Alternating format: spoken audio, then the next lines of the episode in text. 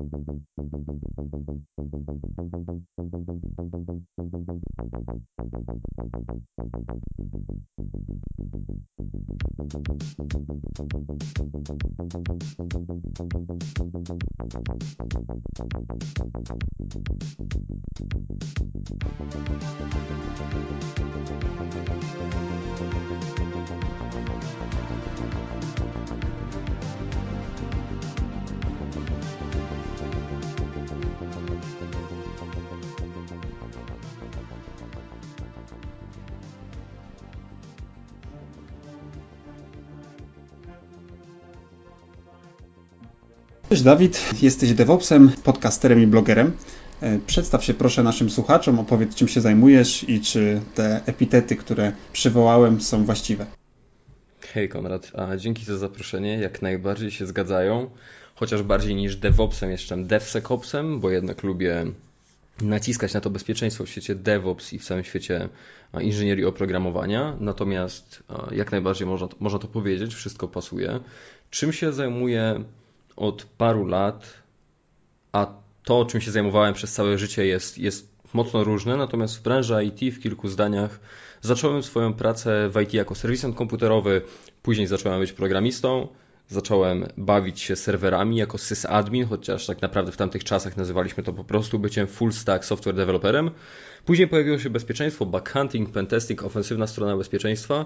Chciałem czegoś więcej, chciałem zrozumieć, jak to wszystko działa od środka w większych organizacjach, więc dołączyłem do jednej z dużych organizacji z Doliny Krzemowej zajmującej się tworzeniem produktów bezpieczeństwa i pracowałem tam jako security engineer, później jako security architect i od roku współpracuję z firmą Test Army, teraz już Test Army Cyber Forces, tworząc dział cyberbezpieczeństwa, który zajmuje się już nie tylko testami penetracyjnymi, nie tylko ofensywą, ale także pomaganiem firmom, jak i instytucjom rządowym, tworzenie programów bezpieczeństwa na większą skalę, zrozumienie całego procesu zarządzania bezpieczeństwem w firmach, blue teaming, red teaming i tego typu tematy, więc robimy teraz sporo rzeczy i to jest coś, co łączy moje doświadczenie z całej kariery. Natomiast to, co oczywiście robię zawodowo, nie do końca definiuje to, czym się zajmuję i to, kim jestem. Generalnie jestem człowiekiem, który testuje wiele rzeczy, szuka dla siebie drogi, szuka dla siebie miejsca i szuka dla siebie czegoś, co będzie dawało szczęście i satysfakcję i dzieli się rzeczami, które wyszły i które nie wyszły, żeby inni mogli przejść przez życie lepiej, łatwiej z moimi lekcjami i nie musieli przechodzić tego wszystkiego na nowo.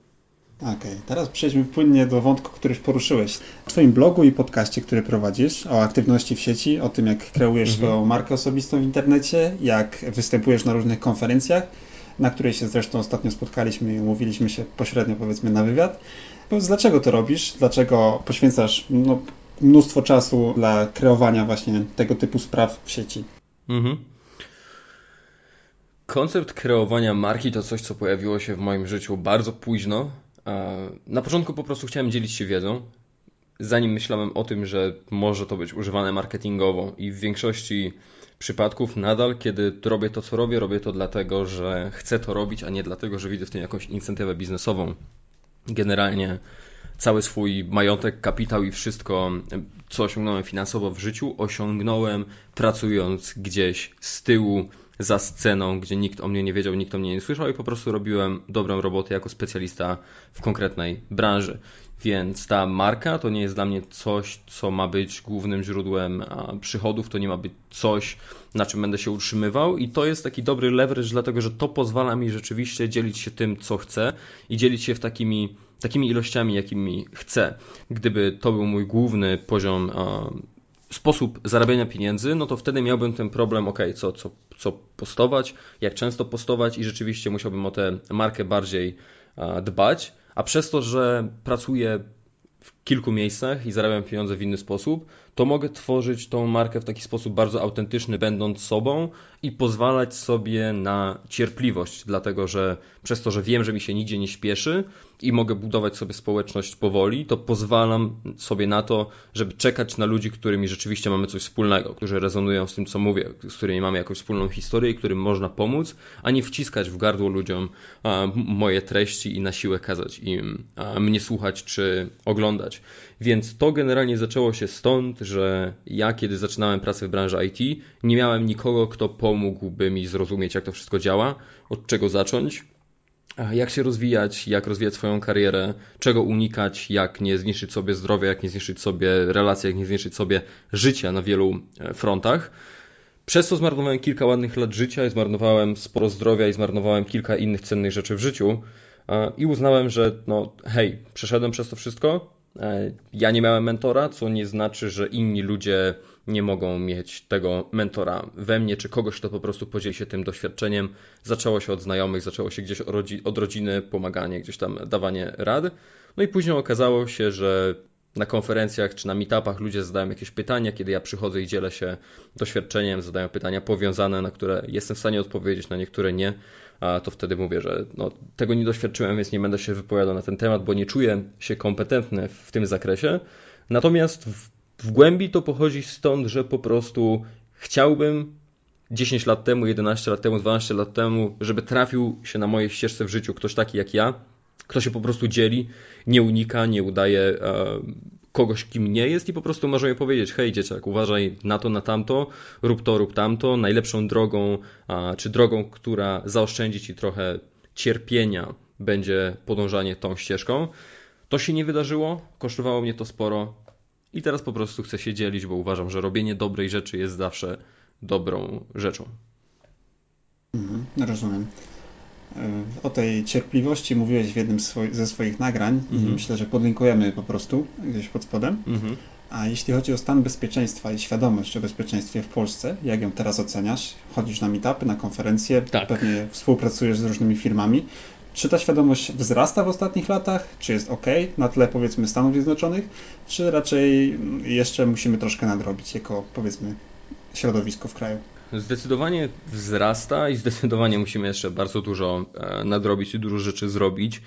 Trend jest bardzo dobry, e, dzieje się rzeczy coraz, coraz więcej i dzieją się rzeczy lepsze, natomiast nadal dla mnie to będzie niezadowalające tempo, chociaż nie wiem, czy kiedykolwiek byłoby to tempo zadowalające.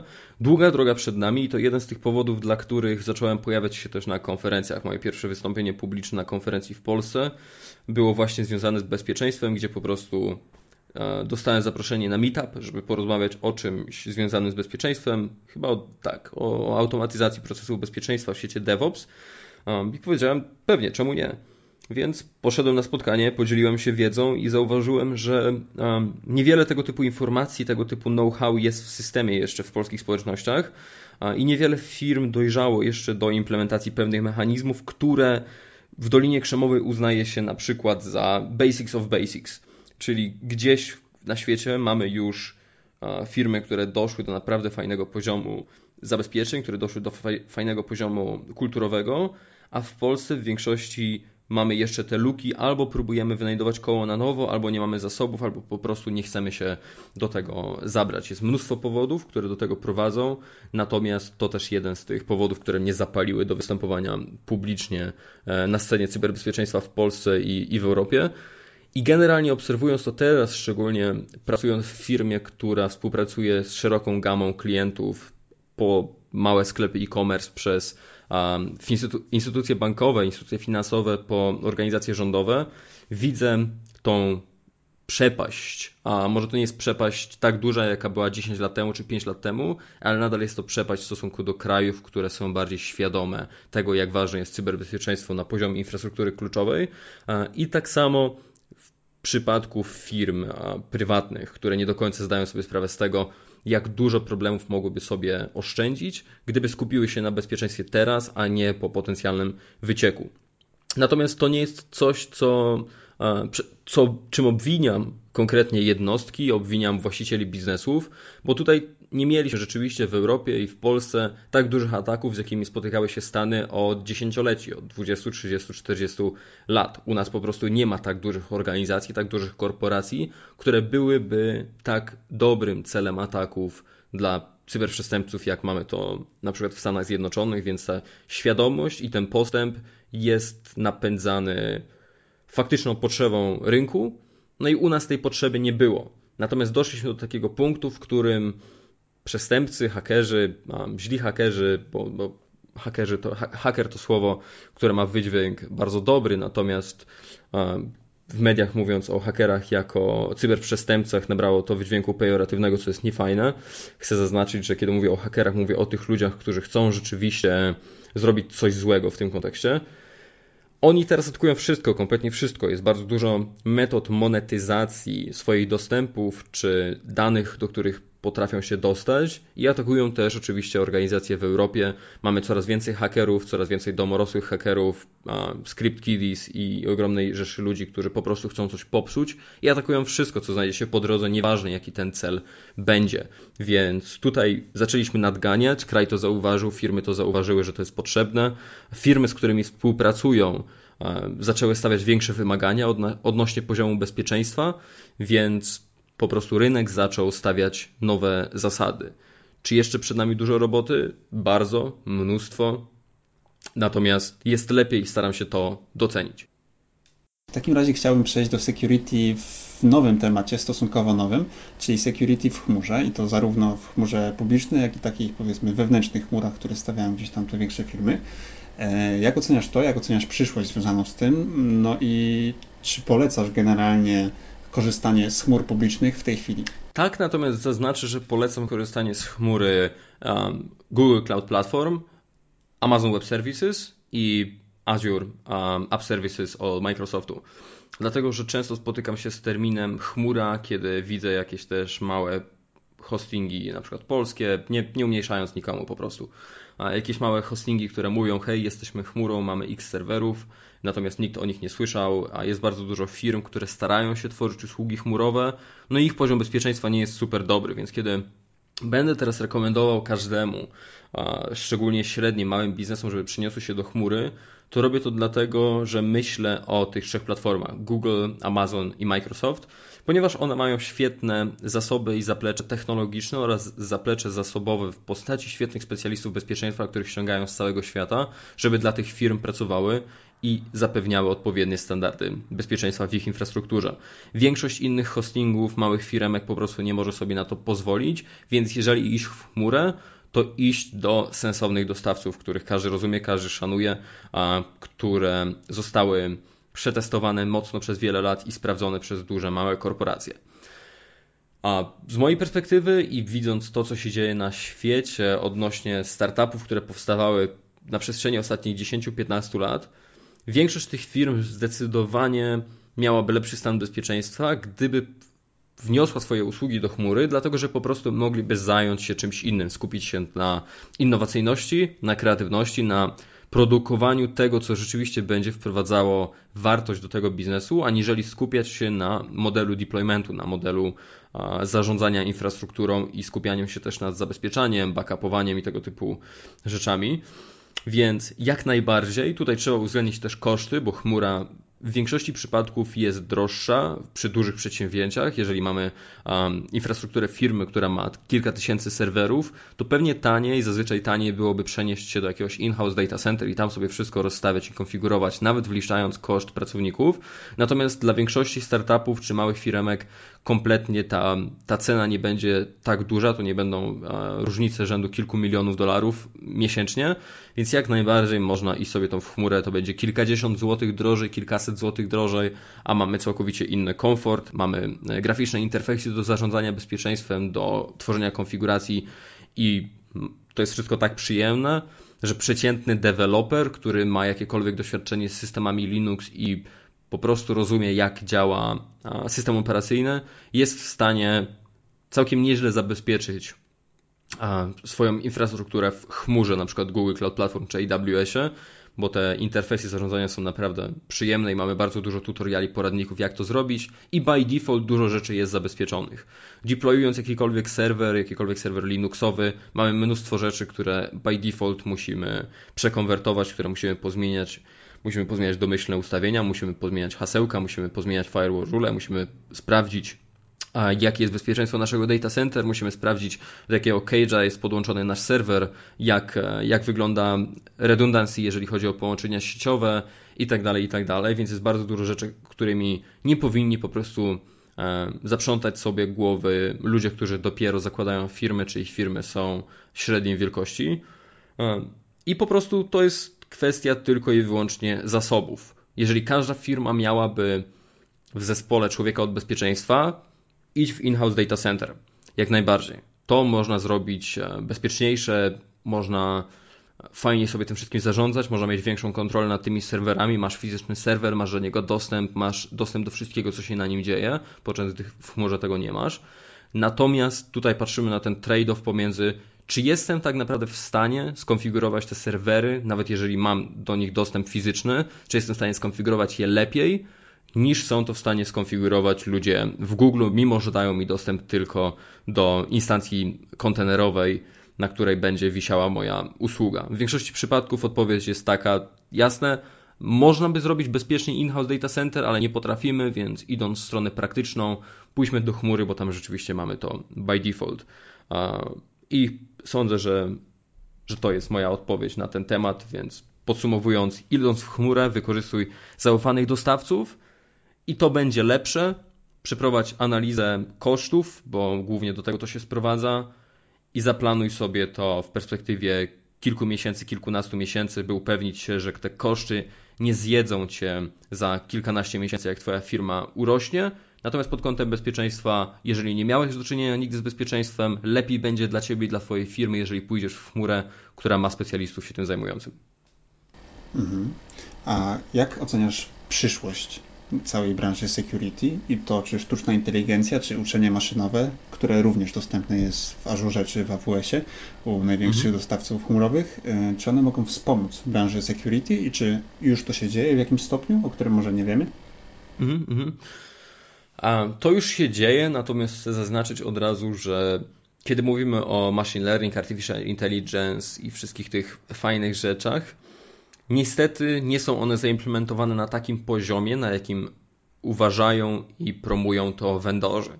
Vendorzy często mówią o tym, że bardzo ostro używają artificial intelligence, że mają zaawansowane mechanizmy machine learning na big data setach, że używają big data i rzeczywiście przetwarzają ogromne ilości danych, mają fajne heurystyki, te modele e, rozpoznawania zagrożeń czy rozpoznawania mechanizmów, zachowań złośliwych aplikacji i tego typu rzeczy gdzie w większości przypadków to nadal jest coś bardzo, bardzo prymitywnego.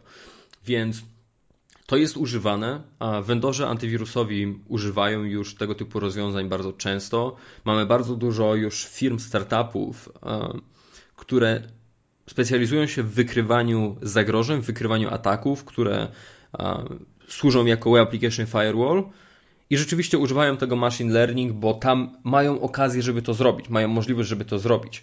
Jeżeli rozstawisz sobie jakąś maszynkę, jakiegoś boxa, którego wepniesz inline albo zmirorujesz ruch tak, żeby był przesyłany w całości do tego boxa bezpieczeństwa, to masz tak ogromną ilość danych, czy to będą pakiety sieciowe, czy to będą zapytania HTTP, żeby zrozumieć, co się tam dzieje i żeby nakarmić algorytmy machine learning tym ruchem. Więc jak najbardziej. Są niektóre fronty, na których machine learning się przydaje i to będą różnej maści application firewall, to będą narzędzia do monitorowania sieci, to będą instrumenty związane z wykrywaniem zagrożeń na, na komputerach końcowych, czyli na przykład wychwytywanie jakiegoś malware'u, czy patternów ruchu tych, tych, tych złośliwych e, paczek oprogramowania, tego złośliwego oprogramowania i w większości na tym to się teraz kończy. Generalnie algorytmy rozpoznawania zachowań czy przewidywania zachowań są tak dobre, jak dane, którymi je karmimy. Jeżeli mamy jakiś algorytm, który ma się czegoś nauczyć, ma dobrze rozpoznawać zagrożenia, to on musi najpierw zrozumieć, jak wygląda normalny ruch, jak wygląda potencjalnie złośliwy ruch, jakie są wzorce tego niebezpiecznego zachowania. W większości tematów, no na to szansy nie mamy. Nie mamy szansy na to, żeby na razie machine learning było w stanie wykonać testy penetracyjne tak dobre, jak człowiek, który zajmuje się bezpieczeństwem od wielu, wielu lat i przeprowadza to manualnie. Jeszcze tam nie jesteśmy i przez wiele lat nie będziemy. Co też nie jest potrzebne, dlatego że nie jest potrzebne tak bardzo, bo większość firm nie uruchomiła nawet prymitywnych skanerów na swojej bazie kodu czy na swoich aplikacjach, więc one nie potrzebują machine learning, one potrzebują zaimplementowania HTTPS-a i certyfikatów Let's Encrypta, tego typu rzeczy podstawowe, czy rzeczy takie jak zmienianie polityki bezpieczeństwa haseł. Natomiast jak najbardziej mamy firmy, które już coś robią. Miałem szansę przetestować właśnie w firmie, w której pracowałem, testowaliśmy POC jednego z antywirusów, które używają ten model um, analizy danych, żeby tworzyć lepsze sygnatury, mądrzejsze sygnatury i rozpoznawać, coś niedobrego się dzieje w tych złośliwych plikach czy w sieci. Miałem przyjemność testować web application firewall, które posługiwały się machine learningiem, um, analizując po prostu pattern flowy, co w sumie tak naprawdę nie jest nowe, dlatego że to mieliśmy już bez zaawansowanego machine learningu z Bro Network Security, które istnieje na rynku kilkanaście lat, więc tamte algorytmy, które też były bardzo podobne i potrafiły rozumieć trafik złośliwy, jak i, jak i pozytywny bez używania buzzwordów typu, typu machine learning. E, natomiast tak ludzie robią to bardziej zaawansowanie i, i używają do tego big data, na którym puszczają machine learning i rzeczywiście nazywają to później jakimś artificial intelligence, a, a cyber security capabilities, e, detection capabilities. W praktyce trzeba na to zwracać uwagę, trzeba zwracać uwagę na to, jakiego vendora się wybiera, dlatego że większość vendorów na przykład um, trzeba pamiętać o tym, że jeżeli one karmią te swoje algorytmy tymi danymi, to te dane gdzieś przesyłają. No i najczęściej wygląda to w ten sposób, że rozstawiają agenta na Twoim hoście, ten agent zbiera te dane i wysyła je do clouda, wysyła je do chmury, do infrastruktury tego vendora, tam vendor to przetwarza i wtedy publikuje ci rezultaty, czy pcha rezultaty z powrotem do Twojej stacji roboczej, dlatego że e, machine learning na big data setach rzeczywiście wymaga e, dużej mocy obliczeniowej. Więc tutaj trzeba też zadawać sobie pytanie, czy chcę przesyłać tego i tego typu dane gdzieś na zewnątrz do chmury, do tego vendora, czy chcę, e, żeby ktoś inny miał do tego dostęp i teraz w świecie GDPR już nie jest to kwestia tylko tego, czy ja chcę, żeby te dane gdzieś wleciały, tylko czy mam prawo wypchać te dane poza moją infrastrukturę, czy moi użytkownicy o tym wiedzą, czy moi partnerzy wiedzą o tym, kto ma dostęp do ich danych i tak dalej, i tak. Więc machine learning jak najbardziej w świecie bezpieczeństwa już istnieje.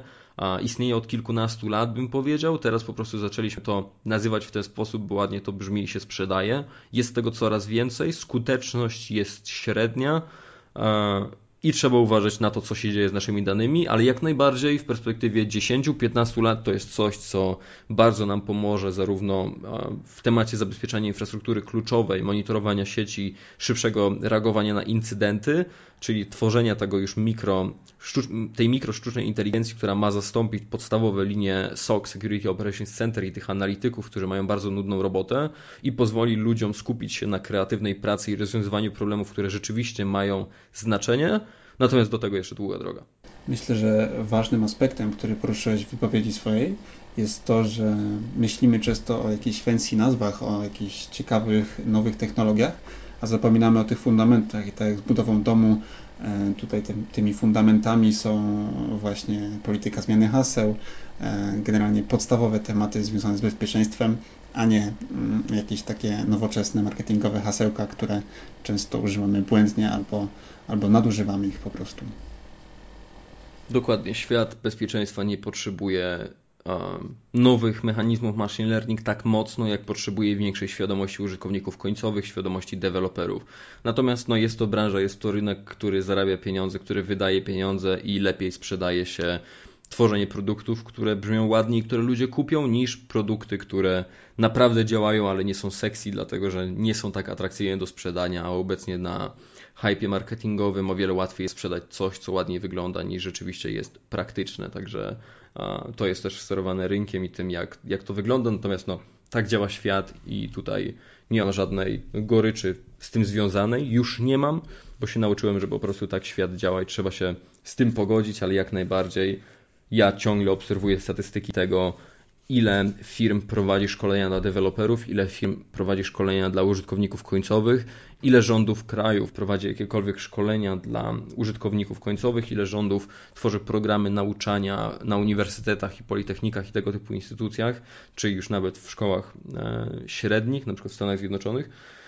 Natomiast kompletnie nie interesują mnie te, te trendy. Oczywiście trzeba się nimi interesować, pracując w bezpieczeństwie, żeby wiedzieć, co się dzieje, ale z perspektywy takiej, co możemy zrobić, żeby na świecie było lepiej, tego typu buzzwordy i podejścia do tego typu rzeczy kompletnie nie, nie spędzają mi snu z powiek, jeżeli chodzi o ekscytację, bo wiem, że jeszcze 10-15 lat musimy zawracać sobie głowę kompletnie innymi rzeczami, którymi zajmujemy sobie głowę od poprzednich 20-30 lat.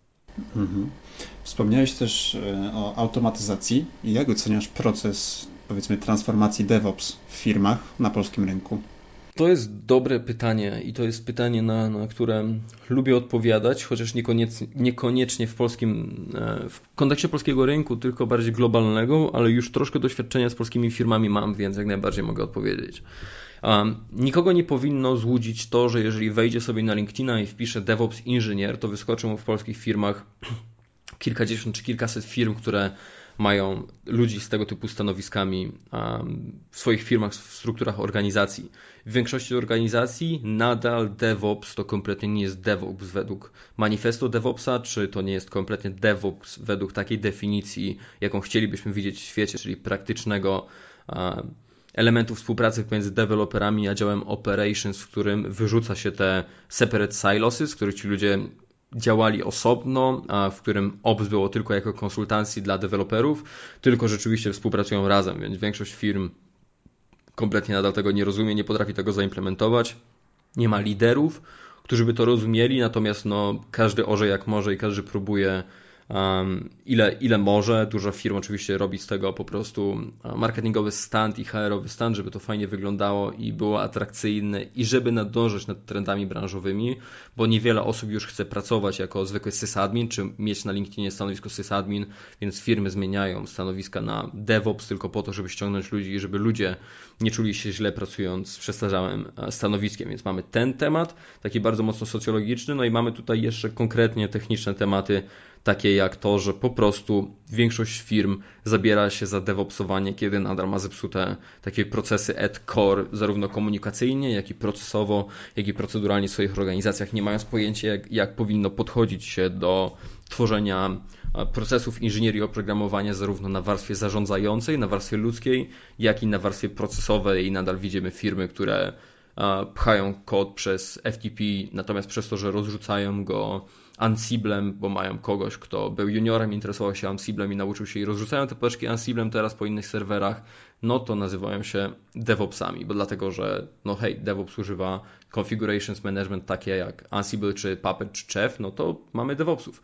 Więc proces jest, nie chcę tutaj być bardzo cyniczny, proces rozwoju jest, trend jest bardzo dobry, natomiast jeszcze bardzo długa droga. Problem jest taki, że drogę, którą obiera wiele firm jest po prostu szkodliwa w perspektywie long term. Uczą się złych nawyków, uczą ludzi złych nawyków i rzeczywiście nie potrafią podejść do tego w sposób, który się zwróci za kilka lat, tylko biegają niestety po omacku, odbijając się od ścian, próbując wielu rzeczy, obrażając się na siebie, psując kulturę organizacyjną, odstraszając ludzi od siebie, psując procesy inżynierii oprogramowania i doprowadzając często firmy do kosztownych strat. Więc ten proces istnieje, natomiast moglibyśmy się jako kraj nauczyć bardzo, bardzo, bardzo wiele od innych rejonów geograficznych, które mają ten know-how, które robią to od wielu lat, które robią to bardzo dobrze. Problem, który ja widzę w branży, to ten, którym ludzie skupiają się na produkcie końcowym, zamiast na procesie. To, zamiast, to znaczy, zamiast popatrzeć, jak na przykład Netflix czy Spotify prowadziło swoje etapy rozwoju, żeby dojść ze zwykłej, monolitycznej organizacji do organizacji, która rzeczywiście podąża tymi zasadami świata DevOps, świata Agile, to patrzą tylko na efekt końcowy, patrzą, ok, oni zostali DevOpsami, używają tego i tego typu narzędzi, więc my też zaczniemy to robić. No i dla większości firm to nie będzie działać. Ostatnio stworzyłem, ukułem taki fajny termin. 99% rzeczy, które robi top 1% firm na świecie, nie będzie działać dla 99% innych firm. Natomiast niestety większość firm patrzy na tych gigantów i stara się kopiować to, co oni już zrobili, co osiągnęli, i wtedy okazuje się, że oj, no nie zadziałało, a zmarnowaliśmy kilka milionów złotych czy, czy dolarów na implementację różnych procesów. Więc tak, dzieje się, jest bardzo dużo firm. Chcę też wspomnieć, że jest, jest całkiem sporo firm już na, w porównaniu do ostatnich nie, stanów z ostatnich 10 lat, na przykład z 2008 roku, jest o wiele lepiej. Jest kilka firm, które to robią, mamy duże korporacje, które to robią. Nie chcę wymieniać z nazwy, natomiast mamy w Poznaniu dwie organizacje, trzy organizacje, co najmniej cztery, tak, cztery już, które bardzo fajnie podchodzą do tematu związanego z DevOpsem. We Wrocławiu mam jedną organizację, która wiem, że bardzo dobrze radzi sobie z DevOpsem. W Wawie pewnie mamy tego więcej, natomiast nie znam tego rynku wystarczająco dobrze. W Krakowie znam jedną organizację, która może się pochwalić już nawet próbami implementacji DevSecOpsów, nie tylko DevOpsów. W Poznaniu też są dwie tego typu firmy, więc to się dzieje, dzieje się bardzo dobrze. Natomiast te firmy, który, u których dzieje się bardzo dobrze, raczej nie szukają pomocy i nie słuchają tego podcastu, bo nie szukają pomocy, bo szukają pomocy u ludzi, którzy robią to od 20 lat i starają się uczyć od najlepszych, najlepszych, najlepszych na świecie. Więc dla ludzi, którzy mogą słuchać potencjalnie naszego podcastu, powiedziałbym, że jeżeli próbujecie implementować procesy dev w swojej firmie, to naprawdę nie próbujcie wynajdować koła na nowo, tylko popatrzcie, jak robiły to firmy i nie jak zrobiły, tylko jak robiły to przez pewien okres czasu, żeby zrozumieć, jak wy możecie wyciągnąć te najlepsze rzeczy procesowe i poprawić swój stan organizacji, bo DevOps działa, tylko trzeba do tego podejść z głową i po prostu wyciągać od innych firm rzeczy praktyczne. Myślę, że w ogóle wynajdywanie koła na nowo jest troszkę problemem w naszej branży. I wynika to też trochę z takiej naszej mentalności, bo my lubimy kombinować, lubimy gdzieś tam coś zahachmęcić, że tak powiem. E, no i często to się objawia w kodzie, po prostu e, wymyślamy rzeczy, które już gdzieś są zaimplementowane i są gotowe od nowa w naszych firmach i wtedy robi się taki miszmasz i nie wiadomo dokąd zmierzamy tak mhm. naprawdę. Tu, tutaj się zgadzam, natomiast chcę też zaznaczyć, że, że kiedy ja mówię o, o tym, jak to wygląda w Polsce, to nie jest tak, że Uważam, że w Polsce jest źle, a w innych a, krajach jest lepiej. Po prostu no, zadałeś mi pytanie, jak to wygląda w Polsce. Gdybyś spytał mnie, jak wygląda to na przykład um, w Indiach, to moja odpowiedź też byłaby inna. Gdybyś zadał mi pytanie, jak to wygląda w Niemczech, odpowiedziałbym też inaczej, więc to nie jest tragicznie, nie jest źle, tylko po prostu empatycznie mówię, że marnujemy bardzo dużo zasobów przez próbowanie wynajdowania koła na nowo. Ku czemu są powody? To nie jest tak, że nie, nie, sądzę, że cechy personalne indywidual, indywidualnych jednostek prowadzą nas do tego, żebyśmy marnowali zasoby, bo nie wierzę w to, że ludzie marnują zasoby celowo, tylko marnują zasoby dlatego, że nie znają innej drogi albo nie chcą zadać sobie trudu znalezienia tej lepszej drogi, więc po prostu schodzimy do takiego prostego tematu, którym jest u nas świat IT zaczął się rozwijać 20 lat temu top, taki naprawdę wzrost zauważyliśmy pomiędzy, nie wiem, jak dla mnie szóstym, a między 6 a 9 lat wstecz. Wtedy widzę, że zaczęło się to bardzo dużo bardzo dużo rzeczy zaczęło iść do przodu z fajnym tempem w Polsce, czy po prostu w tym rejonie Europy, w krajach podobnych do historii Polski, czy e, mindsetu polskiego.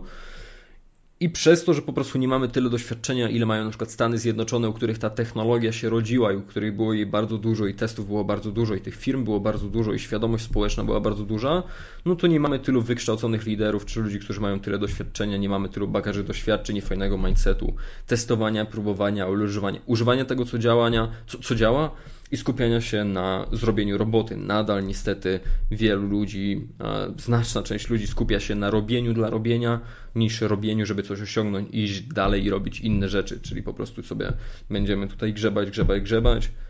Nie zastanawiamy się wystarczająco często, co moglibyśmy zrobić, żeby grzebać bardziej efektywnie, czy grzebać w sposób, który będzie nam dawał więcej szczęścia, po prostu kulturowo. Zgadzamy się jeszcze na to, żeby było jako tako, zamiast walczyć o to, żeby było lepiej.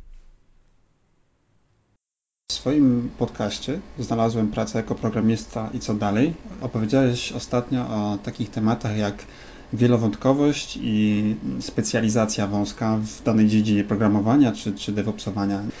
Generalnie chciałbym dopytać o to, czy oceniasz na początku kariery wąską specjalizację jako coś dobrego, czy może na początku właśnie lepiej liznąć, że tak powiem, wszystkiego po trochu, i spróbować to, co po prostu nas zainteresuje najbardziej i wtedy w tym się wyspecjalizować po na przykład 5-6 latach doświadczenia jako generalnie inżynier. Bardzo dobre pytanie, bardzo potrzebne pytanie, które w naszym ekosystemie jest ważne i nie mówi się o nim wystarczająco dużo, przez co ludzie marnują lata robiąc rzeczy, które nie dają im szczęścia i które gdzieś ich tam gubią. Ja po wielu latach testów i wielu latach robienia wielu różnych rzeczy Wszystkie moje odpowiedzi teraz związane z karierą czy decyzjami życiowymi sprowadzam do odpowiedzi bardzo prostej. Rób to, co czyni cię szczęśliwym. Jeżeli kogoś interesuje mocno specjalizacja, niech robi specjalizację. A rynek jest tak ogromny, że jeżeli ktoś będzie świetnym specjalistą na przykład Angulara albo Reacta, albo jakiegoś wąskiego języka programowania, którego nawet nie znam, ale który gdzieś istnieje, to ten człowiek i tak znajdzie sobie miejsce pracy. Ten człowiek znajdzie zatrudnienie ten człowiek e, będzie w stanie po drodze uczyć się tego, jak działa branża, nauczyć po prostu tego, nabrać po prostu obycia w branży i w tym naszym świecie IT. Także jeżeli ktoś chce być specjalistą, może jak najbardziej. Jeżeli ktoś chce być generalistą, i tutaj możemy mówić albo o full stacku, albo po prostu człowieku, który e, smakował chleba z wielu piecy, też jak najbardziej nie ma z tym problemu.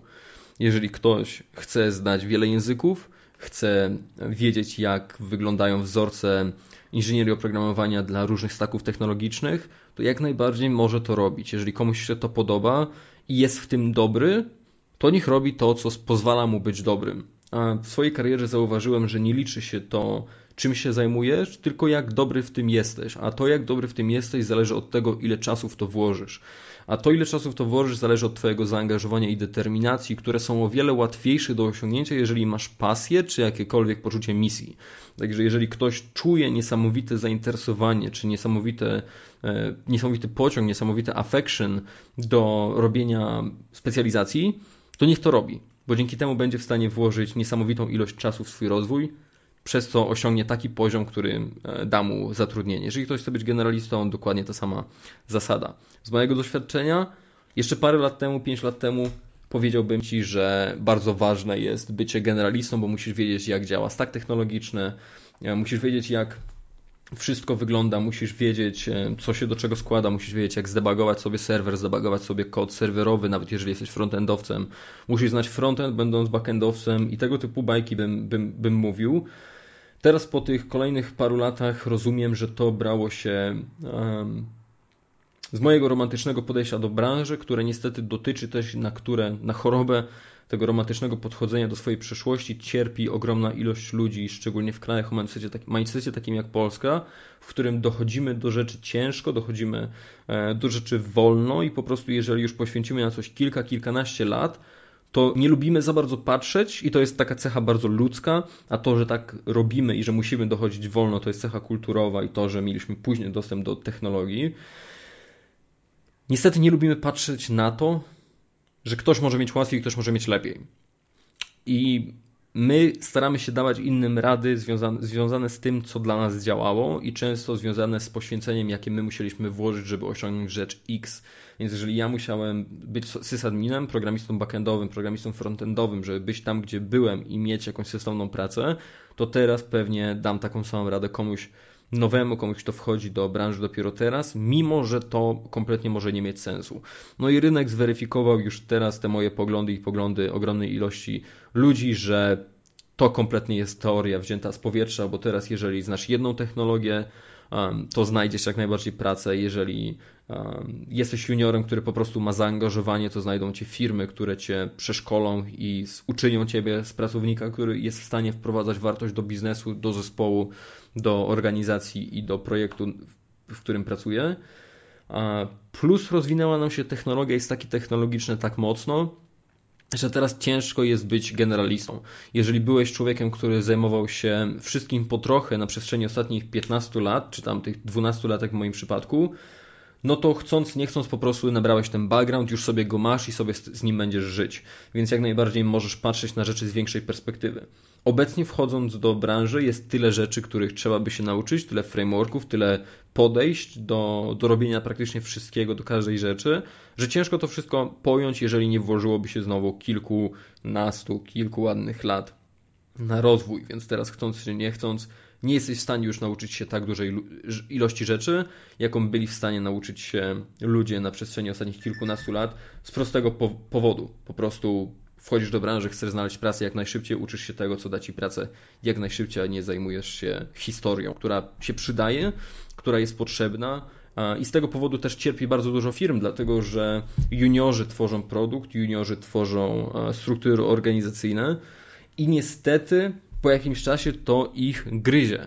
To ich gryzie dlatego, że nie przemyśleli czegoś wystarczająco dobrze, skupiali się na tych małych elementach, nie mieli architektów, którzy połączyliby to wszystko i powiedzieliby im, z jakimi wyzwaniami będą spotykać się na przestrzeni kilku lat, jeżeli teraz nie wezmą czegoś pod uwagę. Więc um, architekci są ważni, ludzie, którzy wiedzą wiele są ważni, natomiast jest ich na rynku wystarczająco dużo, że nikt nie powinien się tym na razie e, zajmować, nie powinno to nikogo trapić. Jeżeli świat biznesu uzna, że potrzebujemy większej ilości architektów, to zmieni swoje oczekiwania, jeżeli chodzi o rekrutację i będzie wymagać innych skilli od ludzi na tym etapie, jak ktoś wchodzi do branży.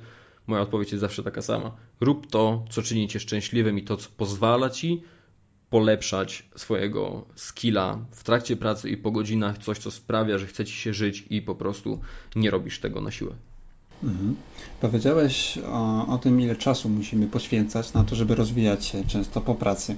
Jak pogodzić mhm. karierę z rodziną, z innymi pasjami, ze sportem, z nie wiem, wyjazdami na wakacje?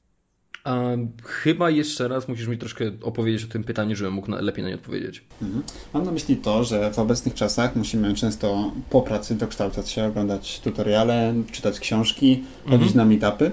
E, mhm. no a każdy z nas pracując te 8 godzin powiedzmy na etacie, po pracy mhm. chciałby poświęcić też trochę czasu rodzinie, przyjaciołom, mhm. jakimś hobby, Netflixowi nawet. Jasne, tak. I jak mhm. znaleźć balans między jednym a drugim? Mhm.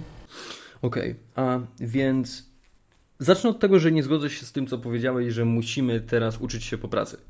Kompletnie się z tym nie zgodzę. Um, są ludzie, którzy muszą, są ludzie, którzy powinni, są ludzie, którzy chcą, natomiast nie jest to tak, że wszyscy musimy się dokształcać po pracy. 8 godzin czasu to jest naprawdę ogromna ilość e, zasobu, który możemy wykorzystać, żeby czynić się lepszymi.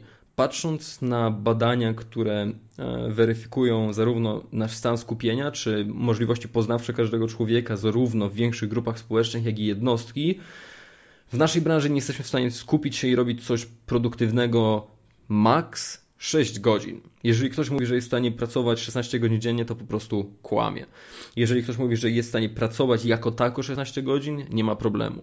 Jeżeli mówimy tutaj o wartościowej pracy, to ona kończy się po tych 8 godzinach i to już tak top, top.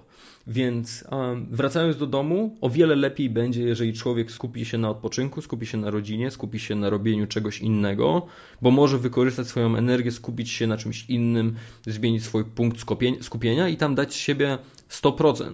Bo jeżeli on włoży kolejne 4 godziny po pracy, będąc zmęczonym, po dojazdach itd., tak itd., tak to ta, te jego 4 godziny będą warte może 45 minut, może godzinę, gdyby po prostu wstał wcześniej kolejnego dnia i zaczął się tym zajmować, kiedy jego głowa będzie świeża i w pracy nie marnował czasu na przeglądanie Facebooka, Instagrama, Snapchata, Twittera i innych tego typu redditów. Więc nie zgadzam się z tym, że, że ludzie muszą się dokształcać. Jeżeli znajdziesz sobie dobre miejsce pracy, jeżeli nie marnujesz czasu, jeżeli potrafisz zarządzać swoim czasem w pracy, to 8 godzin to jest naprawdę ogromna ilość czasu. Mamy ludzi, którzy zbudowali niesamowite firmy, na przykład Basecamp, którzy sami mówią, że nigdy nie pracowali więcej niż 8 godzin. Mamy ogromnych gigantów typu Amazon, w którym Jeff Bezos mówi: Weekendy są dla mnie święte, a 8 godzin dziennie śpię co najmniej, resztę mogę poświęcać na pracę, nie interesuje mnie kompletnie nic innego. Rano wstaję, jem śniadanie z dziećmi, wracam, jem śniadanie z dziećmi. Mamy ludźmi, którzy zbudowali osiągnęli niesamowite rzeczy, dbając o swoje zdrowie, dbając o e, swoją rodzinę i o swoje środowisko, tylko dlatego, że zrozumieli, że te 8 godzin, które spędzają w pracy, jest w większości zmarnowane bo zamiast skupić się na pracy głębokiej, czyli popularny deep work, który jest opisany na przykład w książce Kala Newporta, czy po prostu flow state, czy focus zony, to jest koncept, który ma już kilka, kilkadziesiąt ładnych lat, możemy wyciągnąć ze swojej pracy o wiele, wiele więcej. Problem jest taki, że kiedy siedzimy 8 godzin, to nie pracujemy tych wszystkich 8 godzin. Mamy spotkania, mamy dojazdy, mamy rozmowy, mamy rozpraszanie się wieloma innymi tematami i nigdy nie tworzymy sobie, większości, większość ludzi nie tworzy sobie takich bloków, który może coś osiągnąć. Patrząc na to, jak pracują ludzie, no jestem w stanie powiedzieć, że tak bez, bez żadnego poczucia winy, że obniżam wartość pracy społeczeństwa. Ludzie idąc na 8 godzin do pracy pracują może 4-5 godzin, reszta czasu jest spędzona na bzdurach, które są potrzebne niektórym ludziom do życia. Ludzie potrzebują tego typu czasu, żeby e, odpocząć, w ten sposób balansują sobie życie, żeby nie ześwirować, a wielu ludzi po prostu nie zdaje sobie sprawy z tego, że gdyby przyszli do pracy i przyłożyli się do pracy i tylko do pracy, to wyszliby z niej o wiele wcześniej zajęliby się rzeczami, które są dla nich ważne, jak na przykład rodzina, jak na przykład dzieci, jak na przykład partnerzy życiowi, przyjaciele, jak na przykład twój pies czy kot czy inne zwierzę. Można by poczytać książkę, można by poskakać z bungee, można by pojeździć rowerem czy pojeździć w wyścigach La Mans, jak na przykład DHH z e, Basecampu. Czy można by porobić jakąkolwiek inną rzecz, która daje szczęście i która wnosi wartość, albo pouczyć się rzeczy, które rzeczywiście wprowadzają wartość do życia człowieka, aniżeli spędzać je na e, bezwartościowych intrygach w pracy czy przeglądaniu Facebooka czy Instagrama pod to, żeby się oderwać.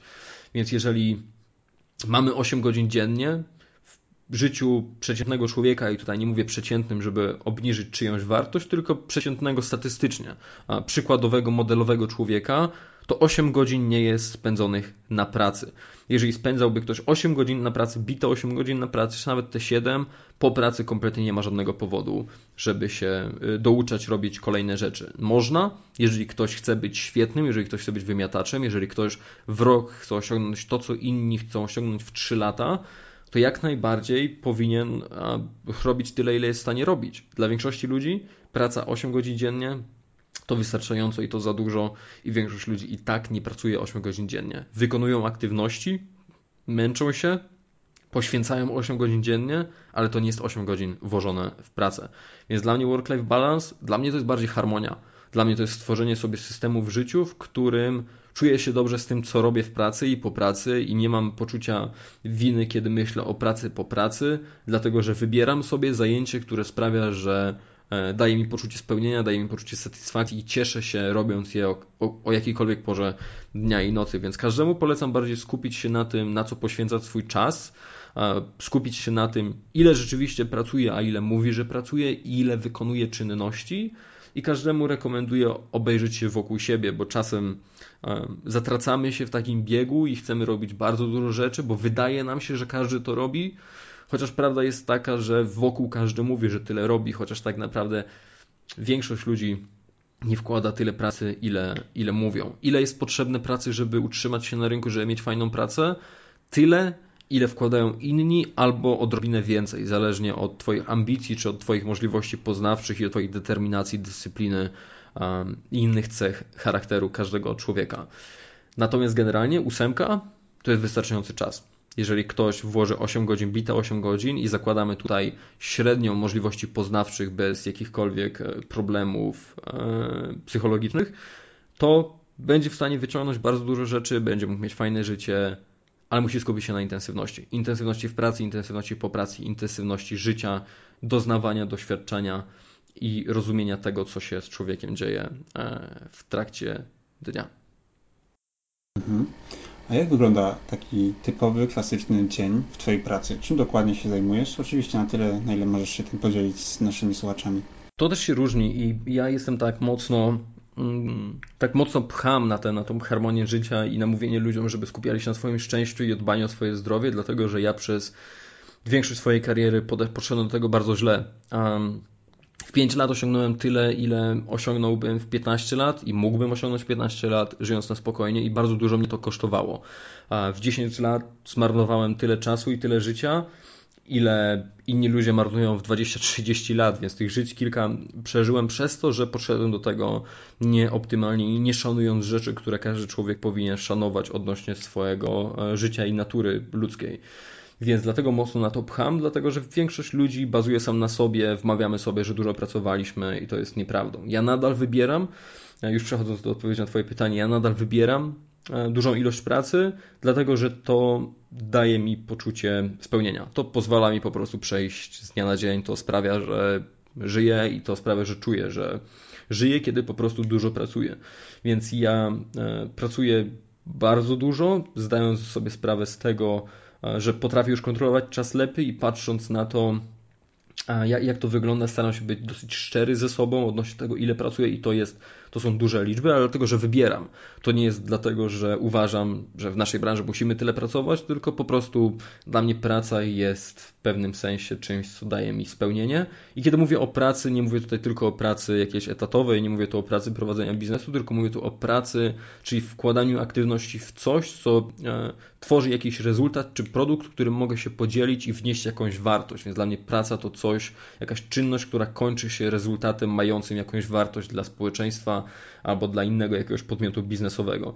Więc dla mnie pracą może być na przykład tworzenie materiałów, którymi dzielę się za darmo. Dla mnie pracą może być na przykład występ na konferencji, na którą e, jadę na przykład w, w środę, w czwartek Rano wyjeżdżam z Wrocławia do Zakopanego, o 15 mam prelekcję na test 2 rezie właśnie o rozwoju kariery, żeby pomóc ludziom zrozumieć lepiej jak nie marnować ogromnej ilości życia daję prelekcje i wracam dlatego, że mam dużo pracy, więc to będzie cały dzień, jakieś 10 godzin e, w wyjeździe tylko po to, żeby dać 45 minut prelekcji i podzielić się e, z kimś wiedzą. Czy to jest praca bardzo intensywna? Nie. Natomiast jest to praca dlatego, że daje jakiś tam rezultat i wnosi coś moim zdaniem ważnego i jest to szansa, która zdarza się raz na rok, żeby dotrzeć do tej konkretnej grupy ludzi. Więc mój dzień modelowy wygląda w ten sposób, że wstaję 4.30, rano robię rzeczy, które, które wybieram sobie, że, że powinienem robić, to są rzeczy, które potrzebuję, więc będzie to medytacja, będzie to siłownia, będzie to zjedzenie. Około 6 staram się już pracować i od tej 6 do 20 pracuję, od 20 do 21 robię przerwę, żeby się wyciszyć, żeby poczytać książkę, posłuchać audiobooka, zrobić coś dla siebie. To ma być czas w 100% dla mnie, czas na podsumowanie dnia Później śpię, wstaję o 4.30 e, i zaczynam dzień na nowo. Tak wyglądają moje cykle. Znalazłem, że to jest jak na razie dla mnie najbardziej optymalny optymalny, to znaczy, że najbardziej. To jest optymalny dla mnie flow, który mi się podoba w życiu. Weekendy wyglądają bardzo podobnie, tylko z innym rozdzieleniem czasu. Natomiast to nie ma za bardzo znaczenia e, z perspektywy innych ludzi i, raczej często o tym nie mówię, dlatego mówię o tym generycznie, bo każdy musi znaleźć sobie coś dla ciebie, dla siebie. To, że ja robię coś w jakiś sposób, kompletnie nie znaczy, że to będzie działało dla kogoś innego. Mi też zdarzyło się w życiu kopiować jakieś nawyki, czy schematy życia, podejścia do życia, czy konkretne elementy, jak na przykład długość spania, spanie, typ jedzenia, typ ćwiczeń, typ podejścia do pracy od innych ludzi, którzy są successful, którzy coś robią niesamowitego, co ja chciałbym robić i okazywało się, że to kompletnie nie działa, więc samego siebie można poznać tylko testując ogromną ilość rzeczy i, i zdając sobie sprawę z tego, jak to wpływa na nasz organizm, spędzając czas na autorefleksji, na samorefleksji. Jest dla mnie dzień modelowy, to dzień, w którym poświęcam kilka godzin na rzeczy, które są mi potrzebne, które sprawiają, że E, że jestem w stanie walczyć e, z życiem, jestem w stanie iść przez życie i reszta jest oddana pracy, pracy wytwórczej czy pracy biznesowej, pracy, która ma coś wnosić sensownego, która ma dawać poczucie, że coś dobrego się zrobiło dla innych, dla świata albo dla samego siebie i dla, samych, dla swoich bliskich. Moja praca teraz skupia się generalnie na e, zarządzaniu zespołem specjalistów bezpieczeństwa, na prowadzeniu operacyjnym biznesu, którym tworzymy e, zarówno dobrej jakości usługi, jak i produkty, którymi staramy się poprawić właśnie poziom bezpieczeństwa globalnie, ale szczególnie skupiając się na podmiotach e, prywatnych i rządowych w Polsce, podzielić tym know-how, które ma mój zespół i polepszyć coś, zrobić coś dobrego na świecie, e, pomóc innym firmom skupić się na tym, co jest dla nich ważne, podczas gdy my zajmujemy się rzeczami, nad którymi my się znamy i oni wtedy nie mają strachu że ich praca, praca ich życia, czy praca, którą poświęcili kilkaset godzin, kilka tysięcy godzin, praca, którą realizowało kilkadziesiąt osób, tworząc jakiś startup, nagle się zawali przez to, że zostali zaatakowani, czy ich usługi były niebezpieczne i odszedł klient, więc model biznesowy się rozsypał i tak dalej, i tak dalej. Więc generalnie staram się robić to, co robiłem całe życie, czyli po prostu pomagać innym ludziom osiągać to, co oni chcą osiągać, i to właśnie uczyniłem jakąś tam swoją mikro misją życia, czymś, co sprawia, że staram się, e, że, że, że mam energię wstawać rano, czyli po prostu nie mogłem znaleźć nic dla siebie po jakimś czasie, próbowałem wielu rzeczy, natomiast nie mogłem znaleźć nic, co sprawiałoby, że będę robił coś dla siebie, więc swoje szczęście odkrywam w pomaganiu innym, um, osiąganie ich um, celów czy, czy marzeń, spełnianie się na ich personalnych ścieżkach. Więc ktoś sobie coś wyznaczył, ktoś miał to szczęście, że poczuł, poczuł co jest dla niego dobre, dla niej dobre. jest jakiś człowiek, który do czegoś dąży, więc ja i zespół mamy jakieś know-how, które może pomóc tym ludziom e, osiągnąć to, co chcą osiągnąć. Oczywiście jest z tego biznes, to jest, to jest podejście biznesowe. U mnie wybranie tej ścieżki wzięło się stąd, że po prostu to jest jedna z moich e, prywatnych misji. Wokół tego dużo rzeczy się kręci. Ten dzień modelowy to będzie odpisywanie na jakieś zapytania, to będzie pisanie jakiegoś blogposta, to będzie stworzenie jakiegoś artykułu, czy nagranie podcastu, czy vloga, podzielenie się z kimś wiedzą, to będzie odpisywanie na całkiem sporą ilość private messages, w których ludzie o coś pytają, co później starają się przekonwertować na jakiegoś blogposta, czy podcast, żeby dotrzeć do większej ilości ludzi, bo jeżeli jedna osoba miała jakiś problem, to jest szansa, że więcej osób będzie e, miała, miało dokładnie to samo wyzwanie, więc podzielenie się tą wiedzą e, na większą skalę sprawia, że i ja oszczędzam czas i inni ludzie od razu dostają odpowiedź, nie musząc zadawać tego pytania mnie czy innych ludziom, po prostu dajemy im szansę, że, że odkryją informacje. I tak to generalnie wygląda. Takie po prostu życie. Nie ma tutaj żadnego rocket science, nie ma tutaj samolotów, odrzutowców, dużych imprez, e, ogromnej ilości partnerów, nie ma tutaj ogromnej ilości fanów biegania po Ibizie czy po Filipinach. Nie tak wygląda życie przedsiębiorcy i nie tak wygląda w większości życie ludzi, którzy e, są czymś zakręceni, którzy poświęcają czemuś życie i często, często widzi się na przykład na Instagramie, jak potencjalnie wygląda życie ludzi, jak wygląda życie przedsiębiorców, ludzi, którzy robią duże rzeczy, które pracują w dużych biznesach. W rzeczywistości to jest po prostu fasada, którą ludzie tworzą, dlatego że czują się ze sobą lepiej albo, albo po prostu dla niektórych to rzeczywiście jest styl życia, natomiast dla mnie to nie jest coś, co jest ultrakolorowe, to nie jest coś, gdzie mamy ciągle fajerwerki, to jest po prostu robienie rzeczy, które powinny zostać zrobione, wnoszenie wartości i staranie się uczynić, żeby wszystko, co, co się robi, żeby te wszystkie elementy kiedyś, prędzej czy później się połączyły i miały jakiś sens. A powiedz mi jeszcze w temacie odpowiedzialności i stresu, który jest jednak codziennie w naszej pracy, no, przed releasem, czy, czy w Twoim przypadku, to podejrzewam, że nawet w jeszcze większym stopniu niż takiego przeciętnego, powiedzmy, admina czy programisty. E, jak sobie z tym radzisz i jak to oceniasz, to, te sposoby na radzenie sobie ze stresem wśród społeczeństwa? Generalnie pierwsza rzecz, która jest bardzo ważna i lubię, lubię, lubię te pytania, dlatego że to są tematy, na których ja bardzo mocno poległem. Całe życie po prostu popełniałem złe wybory. Większość swojego życia popełniałem złe wybory, złe decyzje i robiłem rzeczy, które później niewiele kosztowały. I jedną z takich rzeczy był właśnie stres, który negatywnie wpłynął na moje zdrowie fizyczne, z którym z którego rezultatem będę zmagał się do końca życia, więc stres to jest coś, co jest mocnym zabójcą, co jest czymś bardzo ważnym, czymś, co ma bardzo duży wpływ na nasz stan psychiczny, jak i fizyczny. Więc od razu chcę powiedzieć każdemu, że jeżeli komuś się wydaje, że jest tak silny i tak mocny, to się zdziwi. To po prostu nie był wystawiony albo na dużą próbę, albo powoli od spodu kogoś ten stres zjada. Lubimy sobie powtarzać, że jesteśmy w stanie unieść tyle rzeczy, że poradzimy sobie sami, że jesteśmy w stanie zwalczyć wszystko, że nic nie jest wyzwaniem, no przecież dam sobie radę. Prawda jest taka, że tobie może się wydawać, że dajesz sobie radę, a w perspektywie 5 czy 10 lat spojrzysz na swoje życie i zobaczysz, że to życie było marną egzystencją, dlatego że jedyne wokół czego się kręciło to stres, radzenie sobie ze stresem, radzenie sobie z problemami zdrowotnymi, i walczenie o to, żeby przeżyć jakoś każdy dzień, zamiast skupiać się na doświadczaniu życia i czuciu się dobrze z samym sobą i czuciu się dobrze z tym, co robimy. Więc stres jest czymś, co, czego nie powinno się ignorować. To jest wojownik, to jest e, przeciwnik, który jest bardzo silny. To jest przeciwnik, który raczej nie będzie uderzał nas, szczególnie w naszej branży, w sposób, w który dostaniemy raz w twarz i przewracamy się i wtedy widzimy, ok, to jest mocny przeciwnik, muszę uważać. To jest coś, co będzie pozwoli, powoli gryzło nas w kostki, aż przegryzie tętnicę i już możemy się nie obudzić, więc to jest coś, co, mm, co rzeczywiście nie jest wystarczająco poruszane w naszym społeczeństwie, szczególnie jeszcze w Polsce i w branży IT.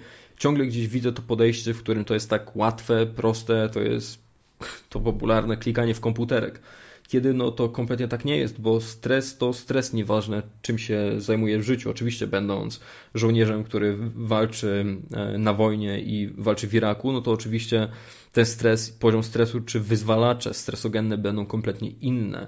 PTSD, które występuje po powrocie z wojny i doświadczeniu tak rzeczy intensywnych, będzie inne niż PTSD, które mamy na przykład po wystawieniu na stres długotrwały, ale o niskim natężeniu w branży IT. Więc tego typu rzeczy się zdarzają, one są różne, ale jak najbardziej istnieją i są ważne.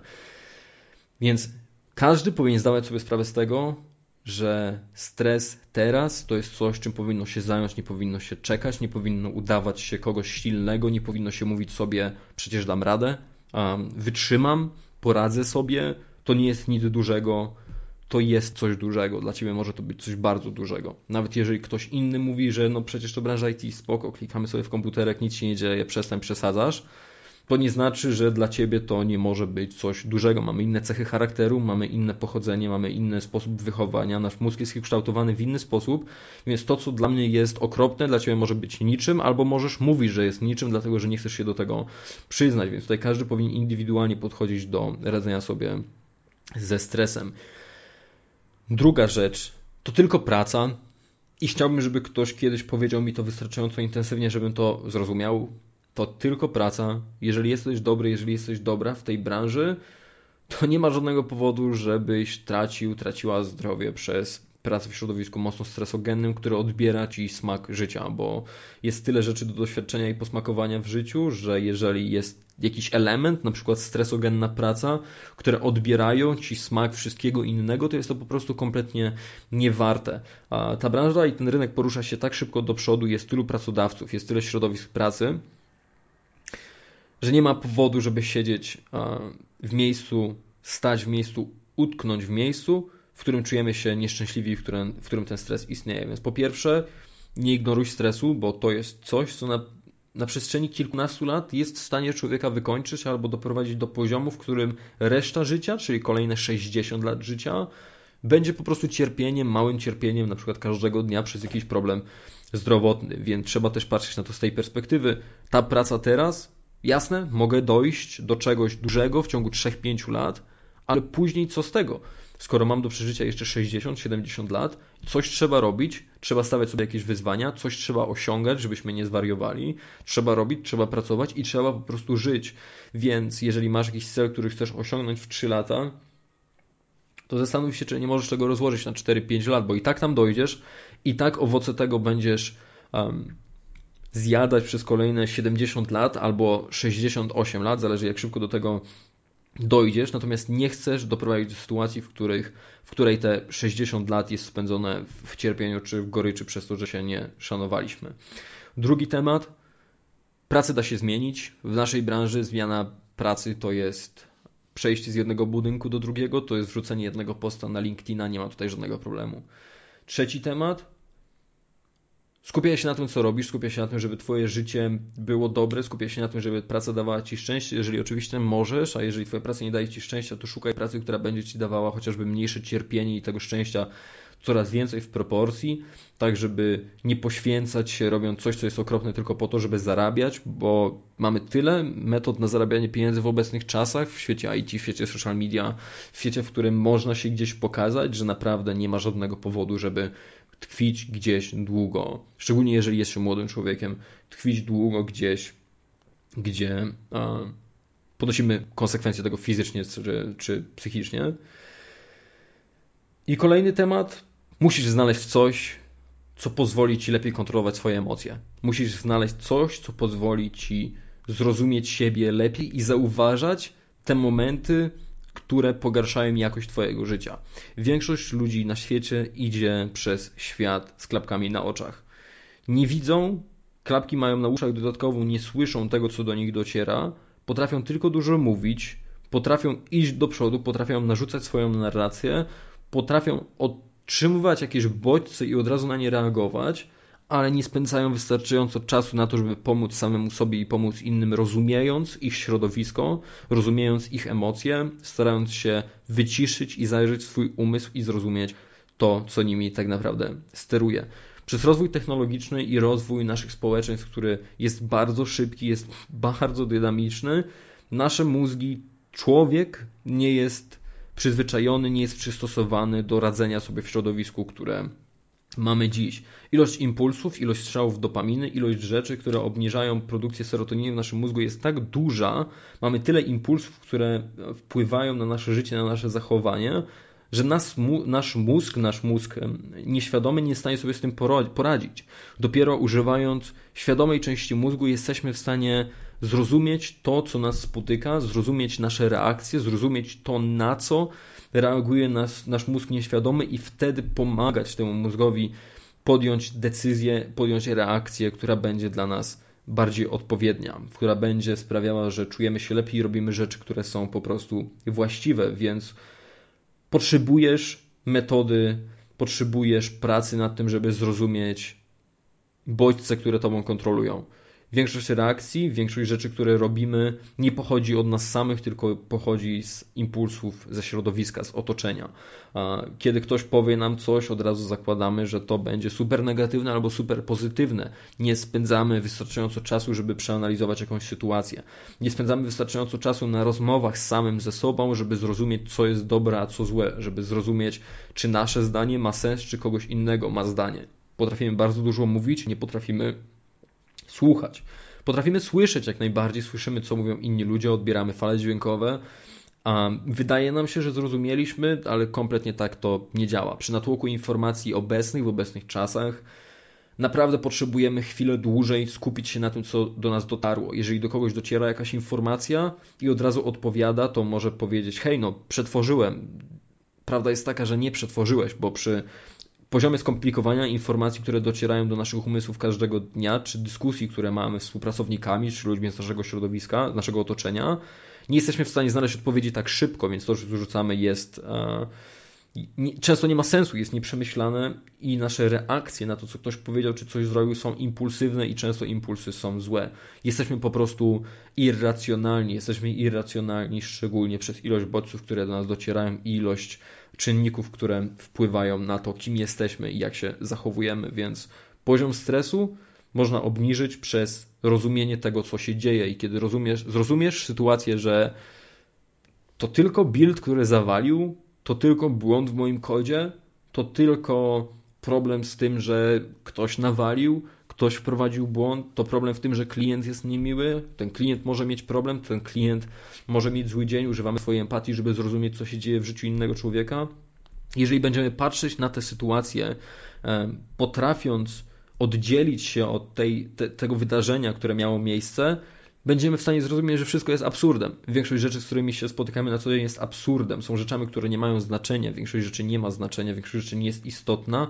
Nie ma takiej wagi, jaką my nadajemy temu przez to, że tak uformowało nas środowisko i że nasz mózg nie jest przyzwyczajony do ilości rzeczy, które teraz się dzieją. Więc samorefleksja i zrozumienie, że to tylko praca, której jest bardzo dużo, to tylko ludzie, których jest bardzo dużo, to środowisko, którego jest bardzo dużo, to nasz mózg, który sobie z nami pogrywa, to nasze ciało, które może mieć jakieś problemy hormonalne, które może być uszkodzone, które może być nieodpowiednio odżywione, nieodpowiednio nawodnione, które, któremu może coś brakować, z którym może być coś nie tak, kiedy zrozumiemy, ile jest tych czynników, które wpływają na nasz stan i potrafimy zrobić ten detachment, odciąć się od sytuacji, popatrzeć na nią z góry, świat staje się o wiele lepszy, świat staje się prostszy, świat staje się łatwiejszy, żeby radzić sobie z każdym dniem. Świat nigdy nie będzie łatwy, nigdy nie będzie super prosto, nigdy nie będzie nic dane do rąk, ale jak najbardziej możemy popatrzeć na to z góry i zdać sobie sprawę z tego, że wszystko, co się wokół nas dzieje, to są rzeczy, które przychodzą z naturą, to są rzeczy normalne, z którymi trzeba się pogodzić, z którymi nie warto często walczyć i które są jakie są. To, że ktoś znalazł przykładowo to, to, że ktoś znalazł błąd w moim kodzie, nie znaczy, że ja jestem do dupy. To znaczy, że kod, który napisałem jest do dupy. Jeżeli nie udało mi się zrobić konfiguracji jakiegoś serwera i się wysypał, To nie znaczy, że jestem do dupy, to nie znaczy, że moja egzystencja nie ma znaczenia i jestem okropnym człowiekiem. To znaczy, że moja wiedza nie jest wystarczająco duża, żeby to zrobić. Następnym razem zrobię to lepiej. Nasza praca, nasze błędy w pracy, nasze pomyłki nas nie definiują i często o tym zapominamy i skupiamy się na tym za bardzo i przywiązujemy do tego zbyt dużą wagę. Życie składa się z wielu elementów, życie powinno być spędzone na robieniu rzeczy, które są dla nas ważne, które dają nam szczęście, praca, która nas stresuje, nasze podejście, które nas stresuje, no szczęścia nie daje, więc każdy powinien zwrócić na to uwagę. A co pomaga?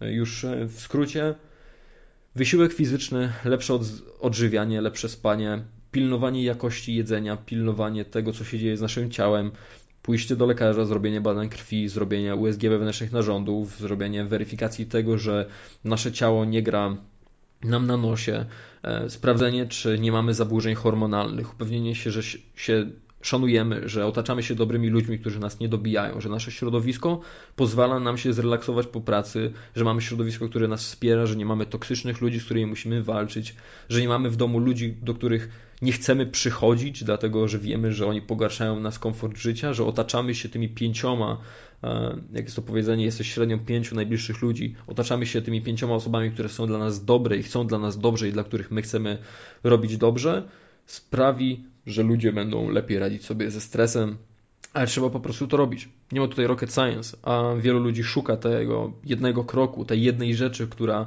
pomoże im osiągnąć coś, czyli na przykład te dwutygodniowe workout plany, żeby mieć sześciopak, czy te plany tygodniowe, które z jedną pigułką sprawią, że schudniesz 10 kg, czy narkotyki, które sprawią, że poczujesz się lepiej, że się super zrelaksujesz. Odpowiedzi znajduje się w tych prostych rzeczach, o których można przeczytać w książkach napisanych 2-3 tysiące lat temu, w których ludzie mówią ciągle o tym samym. Odpowiedzi są bardzo proste, ale trzeba to robić. Rzeczy proste nie są sexy, więc ludzie nie chcą ich robić tak intensywnie i tak z tak dużym zaangażowaniem, jak chcą robić rzeczy, które są na które są fancy, które są w modzie, które są popularne, którymi mogą pochwalić się komuś. Jeżeli powiem komuś, hej, znalazłem ten super program, ten plan rozwojowy i robię niesamowite rzeczy, zapisuję się na te spotkania coachingowe i tak dalej, to ludzie powiedzą, wow, rzeczywiście wkładasz pracę. Jeżeli powiesz komuś, śpię regularnie, jem regularnie, chodzę do lekarza regularnie, dbam o swoje zdrowie, odwiedzam specjalistów, którzy są potrzebni, otaczam się dobrymi ludźmi, to każdy powie, no super, no i co z tego, co, co w tym ciekawego, podczas gdy tamci ludzie sami są nieszczęśliwi, bo nie robią tych małych, małych, ważnych rzeczy, a otaczają się obłudą i fasadą, która ma sprawić, że będzie im wydawało się, że coś robią, podczas gdy nie wkładają w to pracy. Więc stres, bardzo duży temat, bardzo poważny temat. Nie chcę przeciągać, dlatego że to jest, to jest koncept, na który, o, o którym można by rozmawiać naprawdę godzinami. To jest koncept oczywiście, z którym zmagają się psychologowie od kilkuset lat, o którym zmagają się filozofowie od kilku tysięcy lat. Z tym powinno sobie radzić, każdy powinien znaleźć sposób na radzenie sobie. Mam znajomych specjalistów z branży, którzy relaksują się grając w gry i cokolwiek dla kogo działa, niech każdy to robi, tylko niech myśli o tym, jak będzie to wyglądało w przyszłości, bo jeżeli skupiam się tylko na pracy i graniu, kompletnie zaniedbuję swoje ciało, swoje odżywianie, spanie, to jest szansa na to, że mój organizm zapuka i po prostu sprawdzi moje karty za kilka lat i powie, hej, no super, radziłeś sobie z życiem jako taką, ale teraz musimy zebrać żniwo tego, że kompletnie nie dbałeś o swój stan fizyczny, o ten, o ten, o ten wehikuł, którym musisz poruszać się jeszcze kolejnych kilkadziesiąt lat. Mam kolegów biznesmenów, którzy odpoczywają wyjeżdżając na przykład w Himalaje na miesiąc. Mam ludzi, którzy wyjeżdżają i robią jakieś super sporty ekstremalne w Azji albo wykonują jakieś stanty, skacząc z samolotu i robiąc niesamowite rzeczy w górach, skacząc z samolotu ze spadochronem, lądują na snowboardzie i robią niesamowite cuda. Więc tych metod jest bardzo dużo. Warto zacząć od podstawowych rzeczy, ale nie wolno tego problemu ignorować, a udawanie że każdy sobie ze wszystkim radzi, jest najgłupszą rzeczą, jaką można dla siebie zrobić. Okej, okay. a powiedz jeszcze dwa zdania dosłownie o źródłach nauki i o tym, jak zostać pentesterem. Wiem, że jest też post na blogu i myślę, że go zalinkuję. Jasne. Jak zostać pentesterem? A mam dwa blogposty. Jeden to napisany po polsku, jak zostać pentesterem i specjalistą bezpieczeństwa. Drugi to po angielsku Basics of Security Career, i coś tam jest uh, Is programming really necessary in, in, in InfoSec field? Coś takiego, nie pamiętam tytułu. Tak, więc generalnie w pierwszym artykule jest napisane o polsku, bardzo fajnie skąd się uczyć, jak do tego podchodzić, kto się do tego kwalifikuje. Są podlinkowane tam też filmiki, vlogi na YouTubie opisujące to, jak wyglądała moja kariera, co zrobiłbym lepiej itd., tak itd. Tak I na tym drugim artykule, już w języku angielskim, jest opisanych wiele innych ścieżek związanych z bezpieczeństwem, w którym też jest opisane, co każdy powinien umieć, co powinien umieć człowiek chcący złapać się na którąkolwiek z tych e, kategorii specjalizacji w bezpieczeństwie, czyli na przykład odpowiedzi na pytania, jak mocno programowanie jest potrzebne w tej specjalizacji, jak mocno potrzebna jest znajomość konfiguracji danego systemu operacyjnego, znajomość technologii takiej, a takiej, więc w tych dwóch blogpostach, które podlinkujesz, tam będą odpowiedzi i sądzę, że nie mogę powiedzieć nic innego jak przeczytajcie tam te blogposty, przeróbcie tamte materiały, które są. Nie ma ich wiele, ale jak je przerobicie, to będziecie wiedzieć, co robić dalej. Nie ma co zaglądać w przyszłość za, za bardzo robiąc tamte rzeczy, na wiele pytań znajdziecie odpowiedzi już po prostu robiąc i googlując resztę. Mam 10 pytań, które chciałbym zadawać każdemu, każdej osobie, z którą prowadzę podcast. Pierwsze z nich to trzy rzeczy, które najbardziej irytują Cię w branży.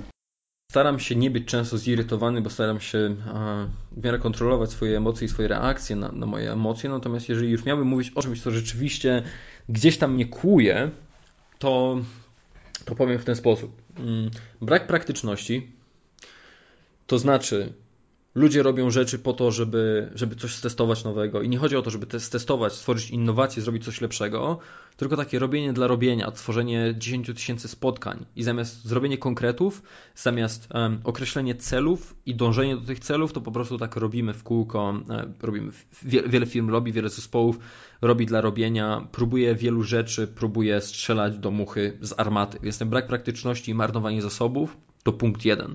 Nie, nie lubię marnowania zasobów, bo marnowanie zasobów to marnowanie czasu ludzi, a czas, czas ludzi to życie ludzi, więc to jest coś, co, co boi najbardziej. Dru, drugi punkt.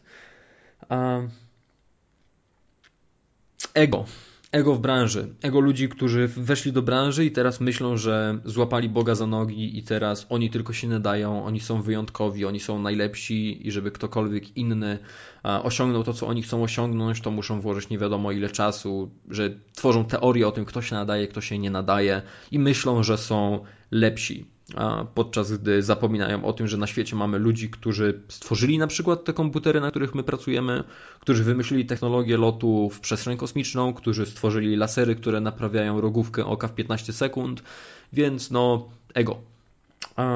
I trzecia rzecz, która rzeczywiście rzeczywiście może mnie irytować, to Brak chęci uczenia się od ludzi czy od firm, które osiągnęły coś wiele lat temu. To też łączy się z tym drugim punktem związanym z ego, ale chcę to rozdzielić, dlatego że to bardzo duży problem, w którym ludzie zaparcie dążą w szukanie swojego rozwiązania, którzy nie tylko czerpią przyjemność, ale czerpią z dumę ze znalezienia rozwiązania, które będzie ich rozwiązaniem, zamiast skupić się na rozwiązaniu, które będzie najlepsze dla firmy i dla zespołu. Spotykają się z zespołem, lider czy menadżer spotyka się z zespołem, i zamiast posłuchać odpowiedzi od innych ludzi, to on już wie. On już ma fixed mindset, on już wie, co ma być zrobione, on chce, żeby to było robione w ten sposób. Nieważne, że ktoś ma na przykład większe doświadczenie. Więc raz. Um, więc brak praktyczności, ego, które sprawia, że ludzie myślą o sobie rzeczy, które nie powinni o sobie myśleć, bo są tylko ludźmi i po prostu zajmują się tym, czym się zajmują z przypadku albo ze szczęścia, albo złożonej pracy, która wcale nie jest większa od pracy, która jest wymagana w innych specjalizacjach. I trzecie, mocne próby wynajdowania koła na nowo i brak uczenia się od innych w stopniu, w którym można by to robić. A trzy najlepsze rzeczy? Trzy rzeczy, które najbardziej lubisz, cenisz? Otwartość ogromnej ilości ludzi, dlatego że wierzę w zasadę 80-20 i w życiu spotkamy tylko kilka osób, które mocno utrudnią nam życie, kilka toksycznych osób, które e, zaślepiają nam obraz tego, co w branży jest dobre i spotkamy jedną osobę w ciągu dnia, mimo że nasz dzień był świetny, było 90 osób, które spotkaliśmy i były niesamowite, spotkamy jedną osobę, która będzie toksyczna, która będzie niemiła, która będzie po prostu negatywna i wydaje nam się, że świat jest zły i ciągle będziemy narzekać o tym. Po prostu negatywność jest mocniejsza niż pozytywność. Natomiast w większości przypadków ludzie są otwarci, ludzie są pozytywni, ludzie są mili, ludzie są ludzcy i są tacy, jacy ludzie powinni być, więc to jest pierwsza rzecz. Ludzie nie mają tak dużego poziomu stresu, bo chociażby mają zabezpieczone tematy związane z pierwotnymi instynktami, takie jak poczucie komfortu, jeżeli chodzi o utrzymanie, jedzenie, po prostu są w stanie położyć jedzenie pod koniec każdego miesiąca na stół swój, swojej rodziny, utrzymać siebie i rodzinę i czuć się bezpiecznie. Nie są na wojnie, na wojnie nie zarabiają na jedzenie, więc mają też niższy poziom stresu generalnie, wobec czego po prostu pozwalają sobie na to, żeby być ludźmi miłymi. Więc ta otwartość, punkt pierwszy.